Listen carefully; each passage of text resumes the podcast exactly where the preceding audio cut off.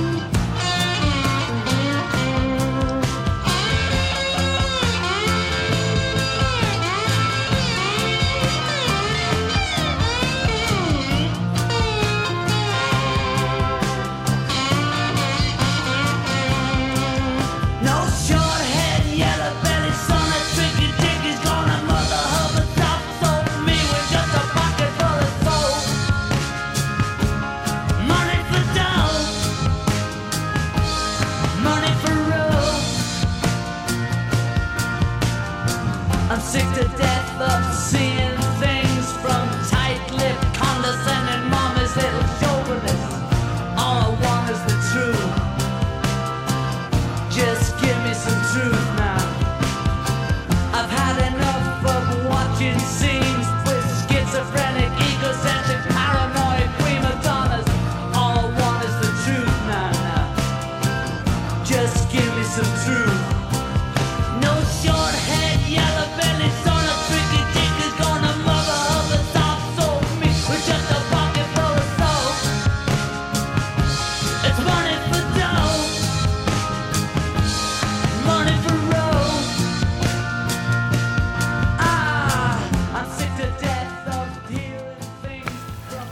legutóbb nem sikerült ezt a választás dolgot befejeznem.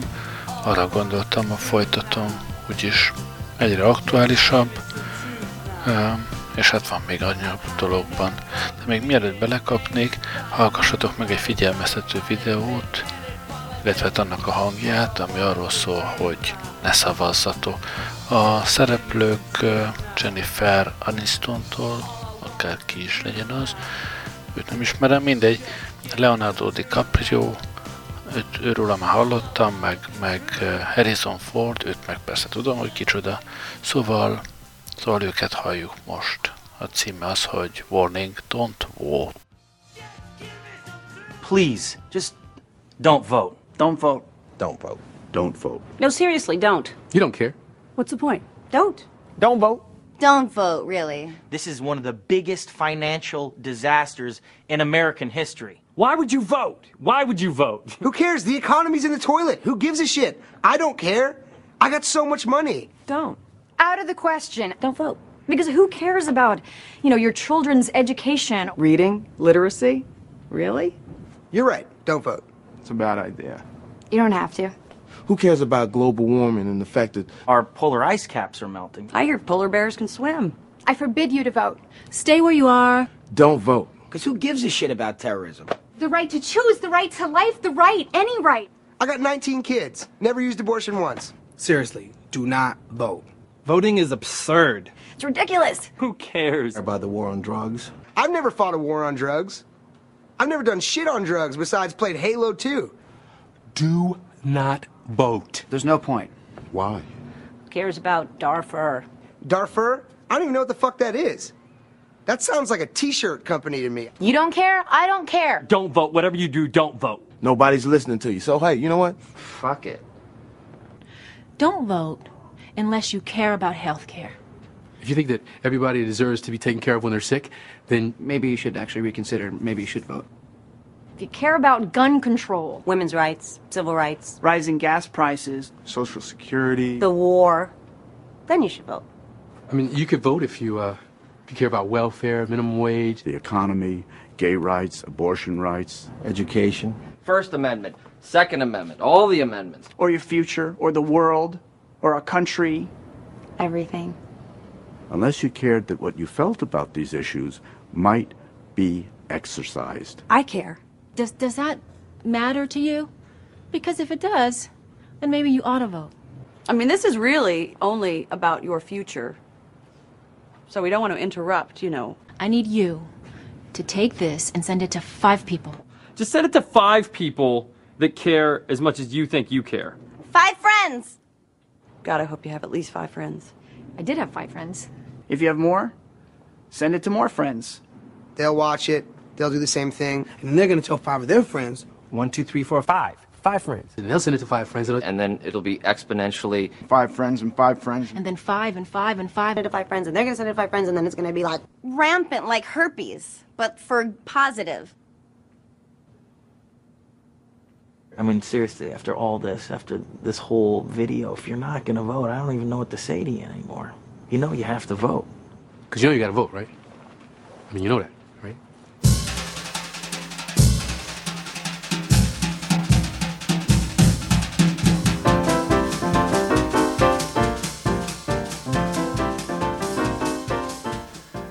Szeretnék a régi görögökig visszamenni, ők amúgy is, hát tudjuk, hogy nagy tapasztalattal bírtak a demokrácia ügyében, de azért jó, ha tudjuk, hogy az ott is, hát úgy kb. 150-200 évig tartott, ugye az időszámításunk előtti 5. század környékén, de koncentráljunk Magyarországra, és nézzük meg, hogy, hogy honnan indult a magyarországi országgyűlés története, illetve hát hogy is voltak ezek a választás dolgok. A Magyarországgyűlés intézménye a modern történettudomány álláspontja szerint fokozatosan alakult ki az érett feudalizmus idején a királyi tanácsból. A 13. századtól a törvényhozás a király és az országgyűlés közös joga volt, ami később a kialakuló rendi társadalom alkotmányának egyik alapelvét alkotta. Az Árpádház kihalása után a királyt több esetben az országgyűlés választotta. Ez volt a szabad királyválasztás joga. Az országgyűlést kezdetben a főurak és az egyház vezetői alkották, majd az úgynevezett rendi országgyűlésben a főurak és egyházi vezetők mellett a magyar nemesség és a szabad királyi városok képviselői is helyet kaptak. A 16. századtól alakult ki az országgyűlés két kamarája, a felső tábla, amelyben az arisztokraták és a főpapok, érsekek és püspökök, illetve az alsó tábla, amelyben a Nemesi Vármegye választott képviselői, illetve a szabad királyi városok küldöttei és a káptalanok képviselői üléseztek. Fontos, hogy ennek olyan nagyon sok írott alapja nem volt, ez szokások alapján zajlott, egészen Mátyás koronázásáig 1608-ig, amikor is az 1806 évi koronázás utáni első törvénycikk rendelkezett ennek formálisan is a módjáról. Ezt fogom most elolvasni elsőként. Tehát ez az 1608. évi koronázás utáni első törvénycikk elősorolása annak, hogy karoknak és rendeknek kiket kell nevezni, és hogy a közönséges országgyűléseken kiknek legyen helye és szavazata mint hogy a királyi felségtől az ország közönséges gyűlésére meghívott személyeknek a nagy száma miatt némelykor bizonyos egyenetlenségek szoktak fölmerülni. Első paragrafus. Ugyanezért a karok és rendek neve alatt olykor becsúszott hibáknak és nehézségeknek a megszüntetésére az országlakók jónak látták végzésbe foglalni, hogy az ország karainak és rendeinek az elnevezése alatt kiket kell érteni, és hogy a király ő felségének királyi meghívó leveleivel az ország közönséges országgyűlésére kiket kell meghívnia, meg hogy az ország közös országgyűlésén kiknek kell szavazhatóknak lennie. Második paragrafus. Mint hogy tehát Magyarországnak a karait és rendeit négyféle állapotú országlakók alkotják, úgy, mint a főpapok, a bárók vagy mágnások, a nemesek és a szabadvárosok. Harmadik paragrafus. Ennek okáért az országlakók a jelen közönséges országgyűlésen elhatározzák, hogy a király ő felsége ezeken a rendeken kívül királyi meghívó levelével senkit a közönséges országgyűlésre meg ne hívhasson. Negyedik paragrafus. A főpapok rendére pedig az határoztató, hogy amelyik püspöknek a saját püspöki joghatósága alatt prépostjaival együtt káptalana vagy székhelye van, ugyanennek a püspöknek a főpap és báróurak gyűlésében a maga saját személyére helye és szavazata legyen, a káptalan nevében pedig a prépostnak a káptalannal együtt az országlakók közt ugyanazon a módon egy és benne foglalt szavazata legyen. 5. paragrafus. Végre azokat a prépostokat is, kik közvetlenül egyik püspökségnek sincsenek alárendelve, és akiknek a préposságukhoz kapcsolt önálló káptalanjuk és konventjük van, káptalanaiktól és konventjeiktől el ne különítsé, hanem hasonlóképpen csak benne foglalt szavazattal bírjanak. 6. paragrafus. Utoljára, ha süveges és kiváltságos prépostok és apátok volnának, akiknek az országban prépostsági és apátsági birtokaik lennének, és azokat birtokolná, ezek is az ország karai és rendei elnevezése alatt benfoglaltatván szavazatokkal a bécsi végzésekhez képest az országlakók közt éljenek. 7. paragrafus. Eképpen az első Remete Szentpál szerzett Frend főnökének is egy szavazatot engednek. 8. paragrafus. A mágnások rendére nézve megállapította, hogy a közönséges országgyűléseken megjelent összes báróknak és mágnásoknak, a főpapok, bárók és mágnások testületében és gyülekezetében helyük és szavazatuk legyen. 9. paragrafus. A távol levők követeinek pedig az országlakók között a régen bevett szokás szerint a vármegyék követői és káptalanok után adják meg a helyüket, rangjukat és szavazatukat. 10. paragrafus. A szabad városokat illetőleg, melyek Ulászló királynak a 7. dekrétum a harmadik cikkeiben elősorolva vannak, az ország lakó ezeknek is kiváltságaikban, meg a karok és rendek számaiban való megtartását méltónak ítéli, és hogy követeiknek az országlakók között helyük és szavazatuk legyen, az országlakók azt is méltónak tartják. 11. paragrafus. A többi ott nem foglalt szabad városok állását a dekrétumok kijavítása idejére halasztják. 12. paragrafus. Elhatározták hát tehát, hogy a király felsége ezeken a karokon és rendeken kívül, kivevén azokat, akik országos köztiszteket viselnek, úgy, mint a nemes tanácsosok, az ország rendes bírái és ezek helyettesei, az ítélőmestere, meg a király ő felsége táblájának a hites ülnökei, senkit a közönséges országgyűlésebe be ne vegyen, és azokat a régi gyakorlat és ülései szerint bocsássák szavazásra. Szóval ez a rendelet alapvetően nem arról szólt, hogy kinek legyen szavazati joga, hanem hogy kinek ne legyen. Ez azt biztosította, hogy a régóta fönnálló jogosultságokon kívül mást a király ne hívhasson oda, ne torzíthassa a szavazati arányokat sajátságosan, saját igénye szerint meghívott vendégekkel, amint arra korábban példa volt. Az országgyűléseknek ez a rendje aztán elég hosszú időre stabilizálódott, lényegében 1848-ig ez a rendi országgyűlés működtette az országot. 1848-ban az áprilisi törvények között az ötödik törvénycikk volt az, amely az országgyűlési követeknek népképviselet alapján választásáról szólt. Hallgassunk ebből is egy részt.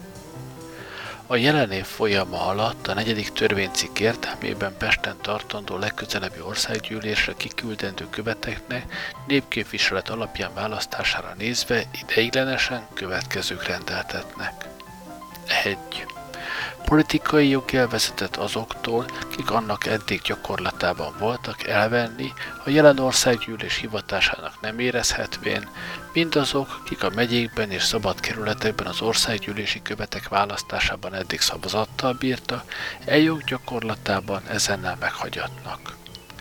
Ezeken kívül kettő, az országnak kapcsolt részeknek mindazon benszületett vagy honosított, legalább 20 éves, és sem atyai, sem gyámi, sem gazdai hatalom, sem pedig elkövetett hűtlenség, csempészkedés, rablás, gyilkolás és gyújtogatás miatt fenyíték alatt nem levő lakosai, a nőket kivéve, törvényesen bevett valláskülönbség nélkül választhatók. A. Kik szabad királyi városokban vagy rendezett tanácsal ellátott községekben 300 ezer forint értékű házat vagy földet, egyéb községekben pedig eddigi úrbéri értelemben vett negyedtelket, vagy ezzel hasonló kiterjedésű birtokot kizáró tulajdonul, vagy hitveseikkel, s illetőleg kiskorú gyermekeikkel közösen bírnak. B. Kik mind kézművesek, kereskedők, gyárosok telepedbe vannak. Ha tulajdon műhelyjel, vagy kereskedési teleppel, vagy gyárral bírna, és a kézművesek folytonosan legalább egy segéddel dolgozna. C. Kik ha bár a fentebbi osztályokban nem esnek is, saját földbirtokukból vagy tőkéjükből eredő 100 ezüst forint évenkénti állandós biztos jövedelmet kimutatni képesek. D. Jövedelmükre való tekintet nélkül a tudorok, sebészek, ügyvédek, mérnökök, akadémiai művészek, tanárok, a Magyar Tudós Társaság tagjai, gyógyszerészek, lelkészek, segédlelkészek, községi jegyzők és iskolatanítók azon választókerületben, melyben állandó lakásuk van. E. Kik eddig városi polgárok voltak, ha a fentebbi pontokban leírt képességekkel nem bírnak is. 3. Választható mindaz, ki választó, ha életének 24. évét betöltötte, és a törvény azon rendeletének, miszerint törvényhozási nyelv egyedül a magyar, megfelelni képes.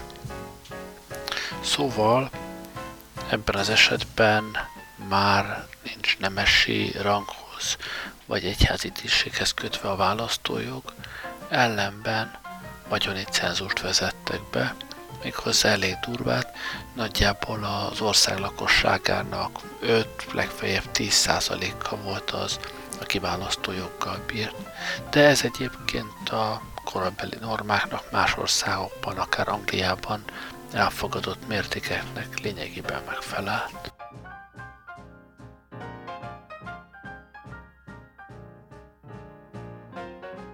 Ötödik fog pedig állani a képviselőház, Erdélyt ide nem értve, 377 követből, akik mindnyájan egyenlő szavazattal bírna, s úgy a népszám, mint területi és közigazgászati tekintetek alapjára tett aránylagos felosztással következőleg választatnak.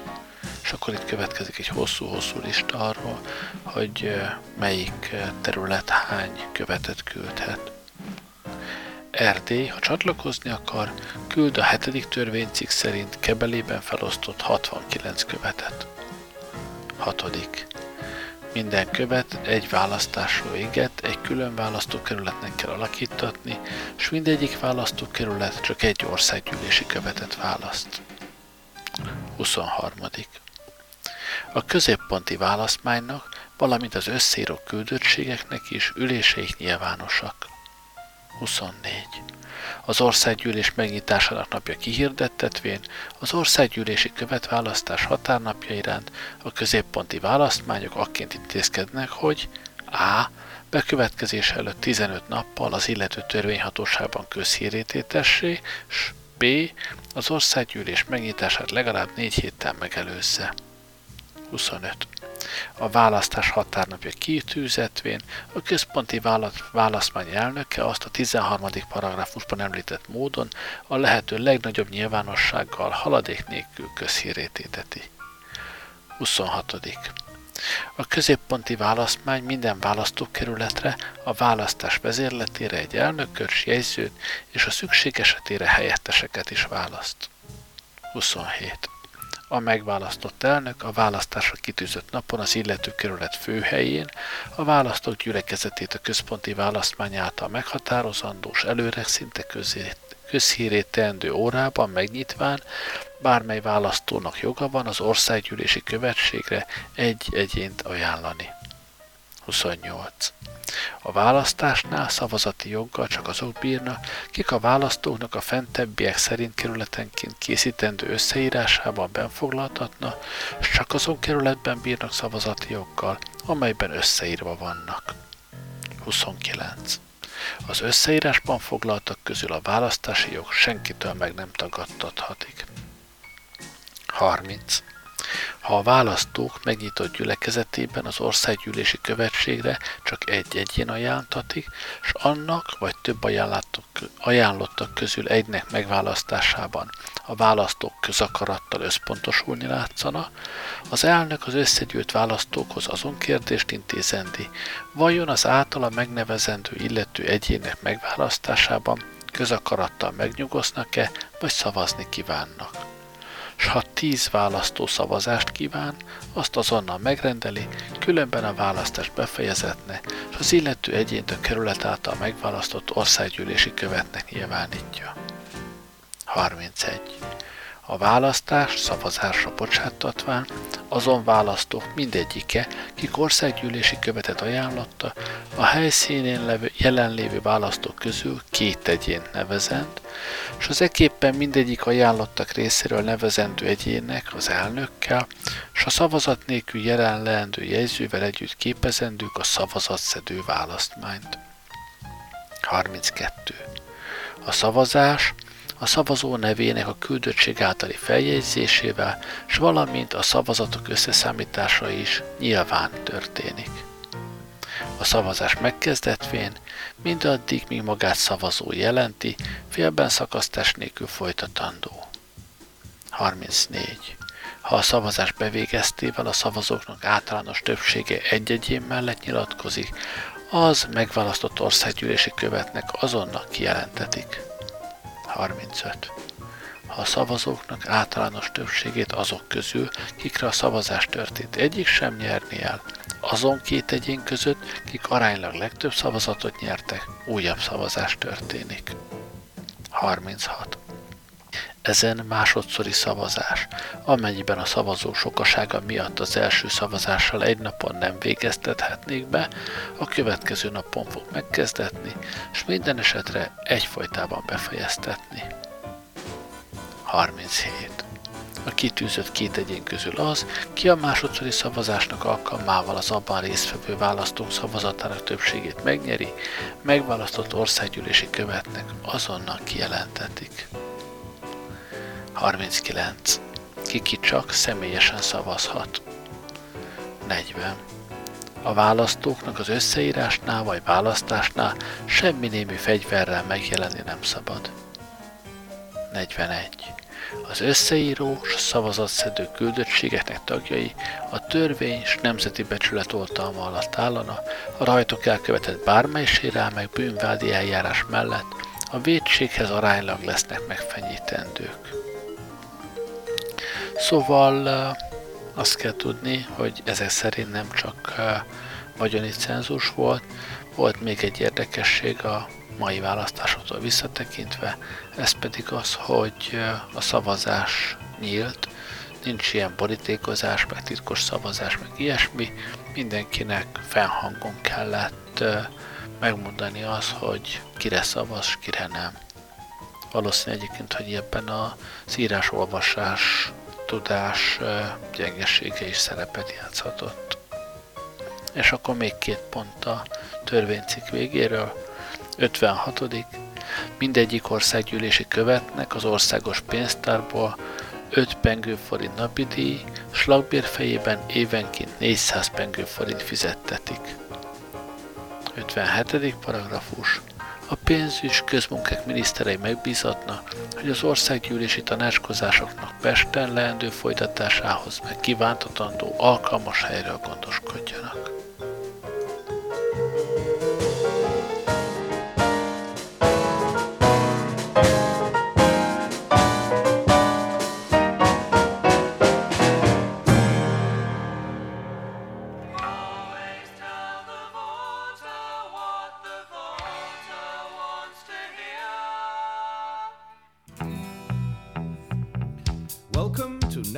The Ballots. The phone lines are now open. If you'd like to put a question to the candidates, the number to ring is 0532 779 463.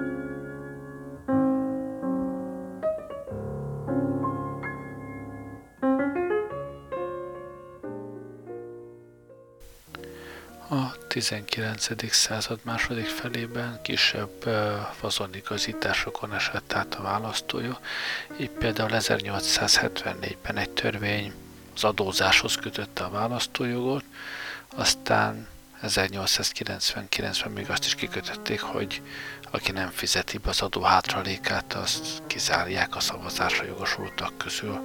Ugyanakkor meg ö, 1885-ben a felsőház összeállításáról rendelkezett részletesebben egy törvény, és ebben is szerepelt egy olyan kikötés, hogy a magyar főrendi házban a tagságra eddig jogosított, nem különben az erdélyi nagyfejedelemségben annak Magyarországgal történt egyesítés előtt a magyar királyok által grófi vagy bárói címet nyert családa, mind azon 24. évüket betöltött és nagykorú férfi tagjai, akik egyedül vagy velük egy háztartásban élő feleségük és kiskorú gyermekeik vagyonát is odaszámítva, a magyar állam területén oly földbirtokoknak telekönyvi tulajdonosai és haszonélvezői, vagy élet vagy tiglan haszonélvezői, vagy olyan családi hitbizalmány birtokosai, melyek az 1885.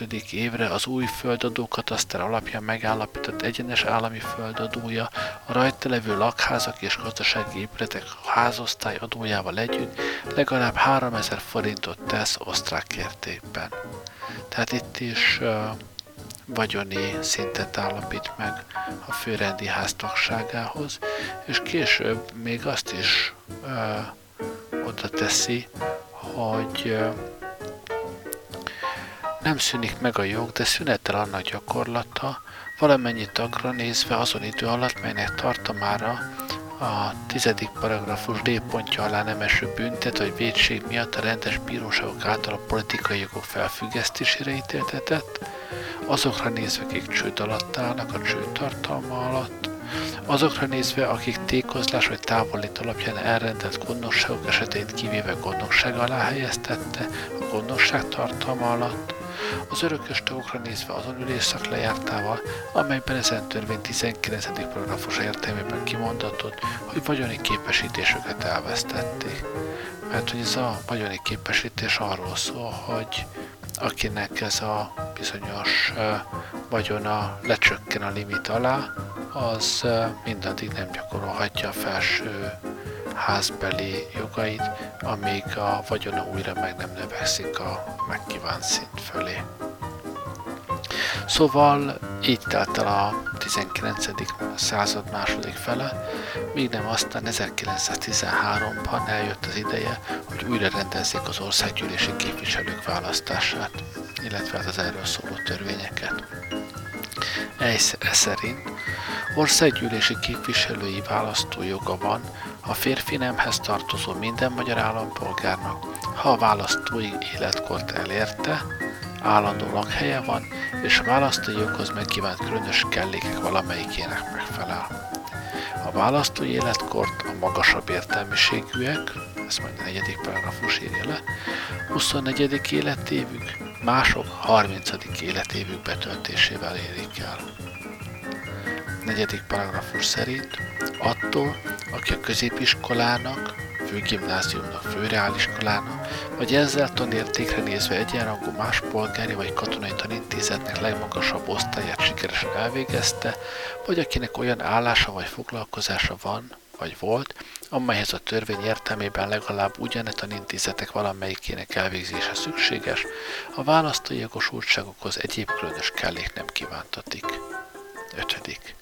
Aki az elemi népiskola hatodik osztályát, vagy ezzel a választói jogosultság szempontjából legalább egyenlő értékű más iskolai osztályt, vagy más tanfolyamot sikeresen elvégezte, annak abban az esetben van választói joga, ha még a következő különös kellékek valamelyikének megfelel.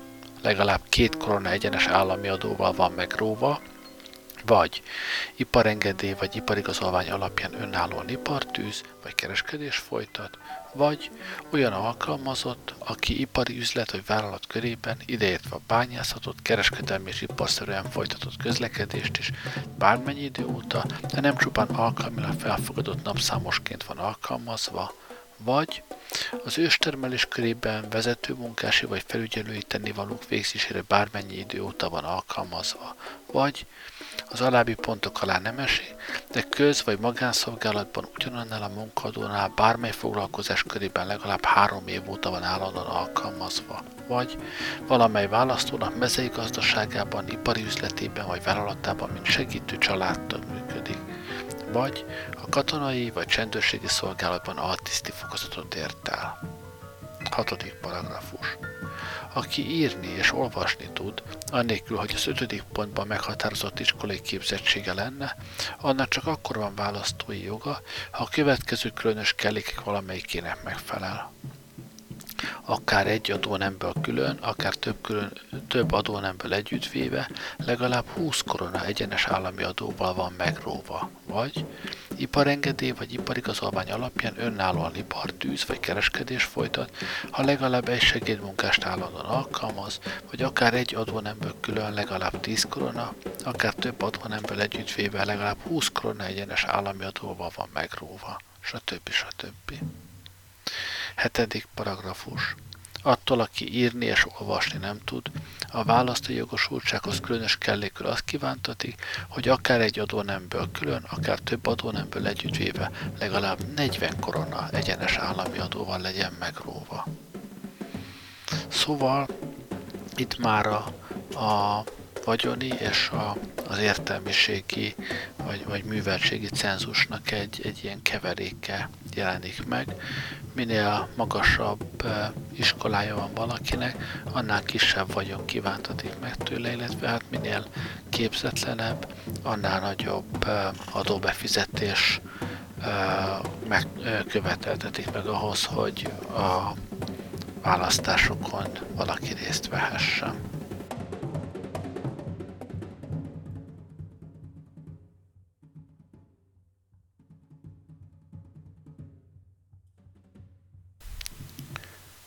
1918-ban újraírták az országgyűlési választásokról szóló törvényt, tehát lényegesen nagy változások nem történtek ebben az új törvényben, és ami a dolgot különösképpen érdektelené teszi, hogy ez a törvény rendkívül rövid életű volt, ugyanis az, az őszirózás, őszirózsás forradalom győzelme után az első dolog volt, amit vadonatújat eh, hoztak létre, az egy új országgyűlési választási törvény volt. Ez pedig eh, alapjaiban eh, írta át a választójogot, föl is olvasom úgy, ahogy van, az 1918. évi első néptörvényt a Nemzetgyűlési Törvényhatóság és Községi Választójogokról. Első paragrafus. Nemzetgyűlési választójoga van minden férfinak, aki életének 21. évét betöltötte, és legalább 6 év óta magyar állampolgár. Nemzetgyűlési választójoga van minden nőnek, aki életévének 24. évét betöltötte, legalább 6 év óta magyar állampolgár, és bármely hazai élőnyelven írni, olvasni tud. Második paragrafus. A nemzetgyűlés tagjává választható az, akinek a választás időpontjában választójoga van, ha életének 24. évét betöltötte. Harmadik.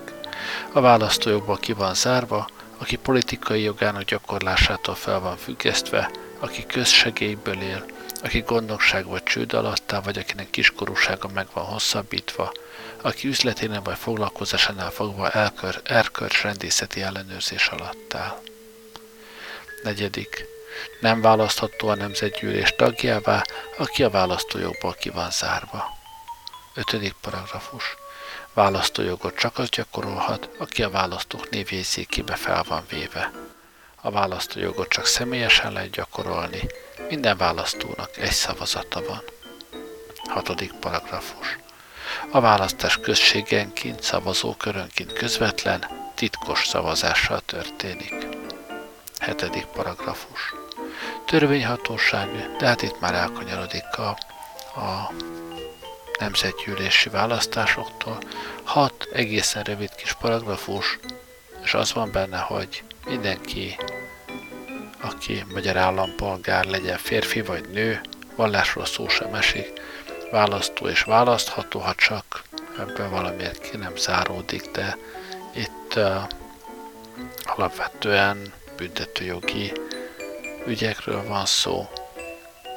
Tehát mindenki választható és titkos szavazásról beszélünk. Ez a modern választójog alapja.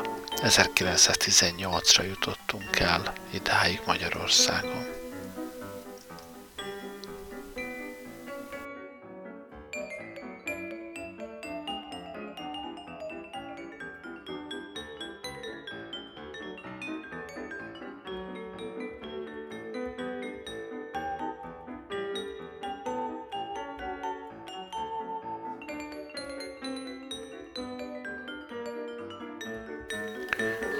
Persze ez a törvény nagyon sokáig nem élt ebben a formában. 20-ban és 22-ben a megcsonkított Magyarországon ennek alapján rendezték a választásokat, de hát a közigazgatás nem volt éppen a helyzet magaslatán. 25-ben pedig a Horthy új országgyűlési választási törvényt alkotott, amelynek egyik fontos szempontja, hogy újra bevezettek műveltségi cenzust, és ez egyébek között ilyesmiket ír, hogy országgyűlési képviselő választójoga van minden nőne, aki életének 30. évét betöltötte, 10 év óta magyar állampolgár, és az elemi népiskola hatodik osztályát, vagy más tanintézetnek ezzel tanértékre nézve egyenrangú osztályát sikeresen elvégezte, vagy ezzel egyenlő értékű műveltség megszerzését igazolta. Az egyéb kellékek igazolása mellett választójoga van annak a nőnek is, aki az elemi népiskola negyedik osztályának sikeres elvégzését, vagy egyenlő, ezzel egyenlő értékű műveltség megszerzését igazolja, ha három vagy több törvényes gyermeknek adott életet, és legalább három gyermeke életben van, a háborúban hősi halálgyermeket e rendelkezés szempontjából életben levőnek kell tekinteni, vagy saját vagyonának jövedelméből, vagy saját keresetéből tartja el magát, és önálló háztartást vezet. Szóval, szóval újra bevezették az oktatáshoz kötött cenzust, de ami ennél is izgalmasabb, az a választás titkossága, ami oly módon változott, hogy Budapest székes főváros választókerületei, a Budapest környéki választókerület, továbbá azok a törvényhatósági jogú városok, amelyek egynél több képviselőt választanak, képviselőiket az arányos képviseleti rendszer szerint lajstromos szavazással választják. A többi választókerület mindenike az általános többségi rendszer szerint egy-egy képviselőt választ. azokban a választókerületekben, amelyben a választás laj- lajstromosan történik, a szavazás titkos, egyebütt a szavazás nyilvános. És ezen kívül van még egy apró módosítás. A szavazás kötelező ott, ahol titkos. Ezzel tehát a horti rendszer nem csak a, az általános választójogtól lépett vissza, hanem a titkos szavazástól is, és hát hallhattunk arról, hogy hogyan is zajlottak a csendőrök előtt ezek a szavazások vidéken, ezek a nyilvános szavazások, ahol nyíltan meg kellett mondani, hogy ki kire szavaz. Hát nem volt ez mindig pressziómentes.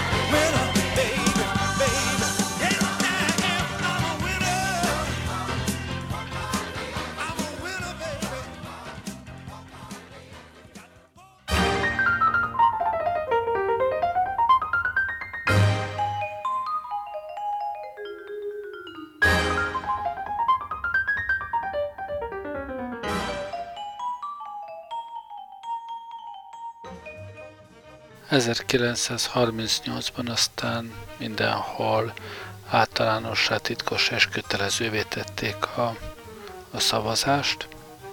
Ennek alapján történtek a 39-es választások.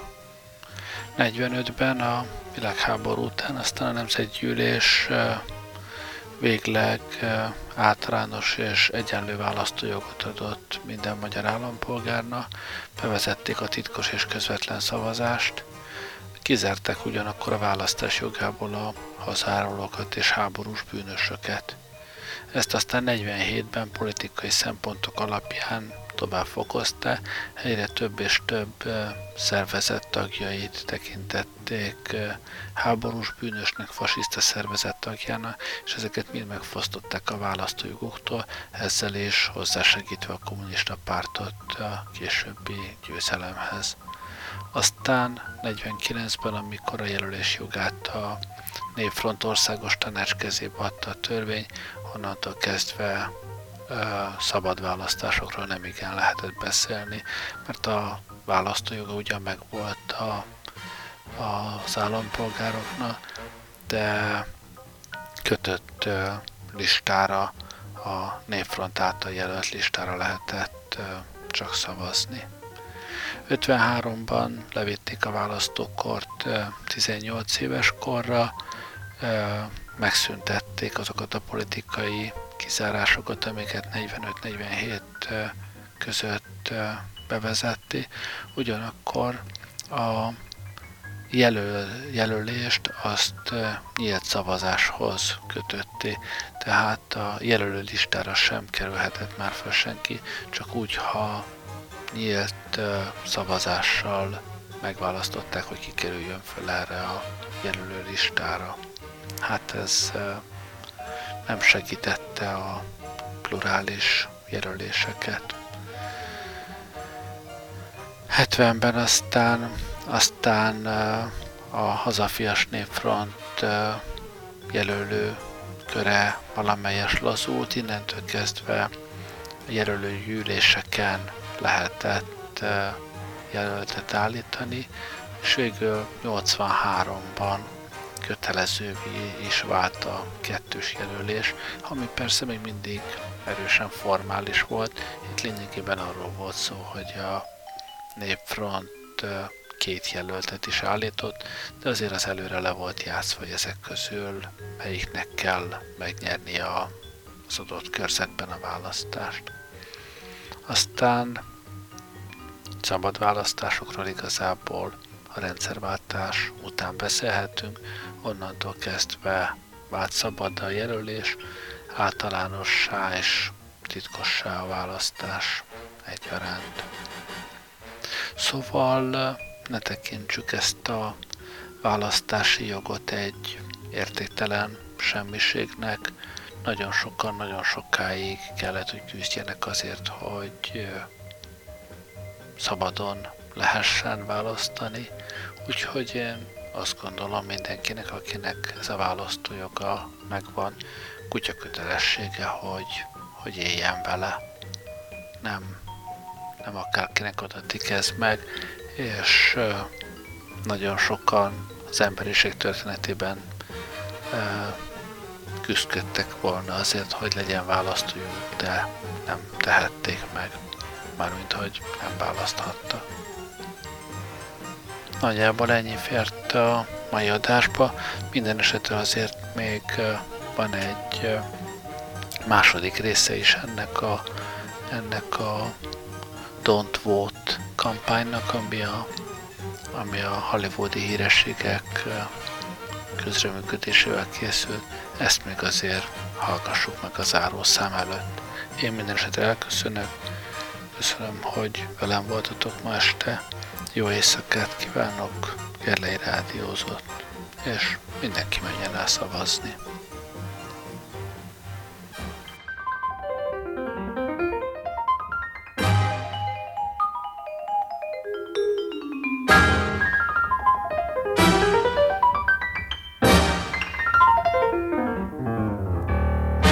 Get out and vote.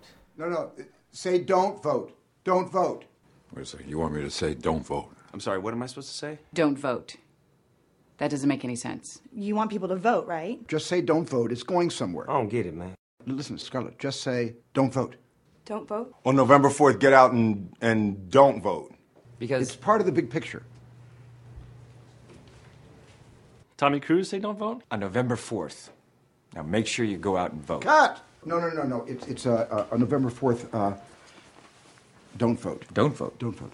Now, what do you mean, don't vote? Well, it's like the last one that they did, which was great. Hundreds of thousands of people signed up to register to vote, so it's kind of like the concept. Do not vote.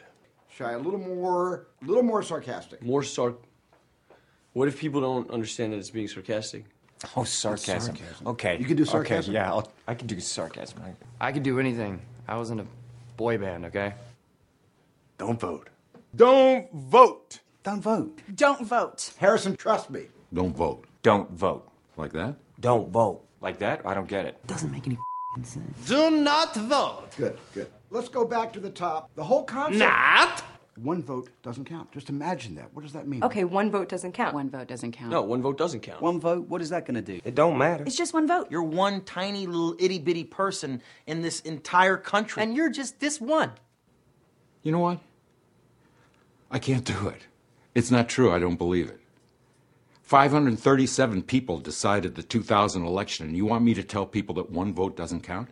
537? That's it? There's more Baldwin brothers than that. The concept worked the last time this was on YouTube. Worked for who? Doesn't work for me. I'm gonna have to go with Harrison. I was having the same trouble with this thing. Yeah, I don't get it. All right? It doesn't make any sense. at No, all. it doesn't make any sense. And now. Is there time for me to make a small please? I respect you, you know, and you got awards and stuff, but this this is ridiculous. I think we should just kind of be a little more direct, don't you think? Say what's in your heart. Really? See, now that makes sense to me. I'm voting because when I was growing up, my father told me that if you don't vote, then you have to shut up. I vote because I fell in love and I want it to matter. Vote because for the first time ever, an African American could end up in the White House. Vote because for the second time in history, a woman is running for vice president. If you're not voting for yourself, vote for people like me. Vote for the future of your children. I'm voting because the bank that was funding my daughter's school loan just closed. I'm voting because I care about gun control. I'm voting for education, health care. I'm voting because I want a voice. I'm voting for a better planet. I'm voting because it's my first time. I'm voting because I want my friend Trevor to come home alive. I'm voting because it makes a difference for the whole world. I like a porno. I'm voting because I have the right to vote. It's a beautiful thing to be able to vote. And every vote counts. That's why I vote. Send this to five friends. You sent it to five friends last time? Send it to five more. Five more friends. Then send it to five people you don't like. Send it to five enemies. Send it to five animals. Everybody's got five friends. I have uh, seven friends. This is way too important. One day out of the year. Don't let anyone get in your way. Don't let anything stop you from voting. Nothing. Nothing. November 4th. No matter how bad the weather is. Get psyched. Get out there. Come on. Gather your friends. Vote. Vote. Vote. Vote. Vote. Vote. Vote. What are you doing? You're just sitting there. Vote. Vote. Vote. Vote. Vote. Vote. Vote. Please, please vote. Vote. Vote. You stay in that line. V O T E. Vote. November 4th. Don't vote. Get out there and vote. Vote. Vote. Please vote. Vote. Vote. Vota. Vote. Vote. Vote. Vote. Vote. It's that simple. Vote. What you do inside a voting booth is a secret. I like to make a hand relief.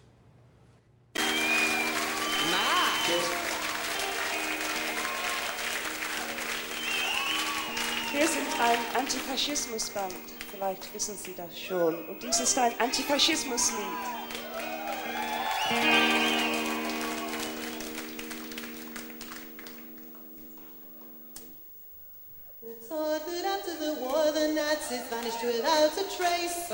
But battalions of fascists still dream of the master race. The history books they tell of their defeat in 45. They all came out of the woodwork on the day the Nazi died. They say the prisoner of Spandau was a symbol of defeat. Whilst Hess remained in prison, then the fascists they would beat. So the promise of an Aryan world would never materialize. So why did they all come out of the woodwork on the day the Nazi died? The world is riddled with maggots. The maggots are getting fat. They're making a tasty meal of all the bosses and bureaucrats. They're taking over the boardrooms and they're fat and full of pride. And they all came out of the woodwork on the day the Nazi died. So if you meet with these historians, I'll tell you what to say. Tell them that the Nazis never really went away. They're out there burning houses down and peddling racist lies and will never rest.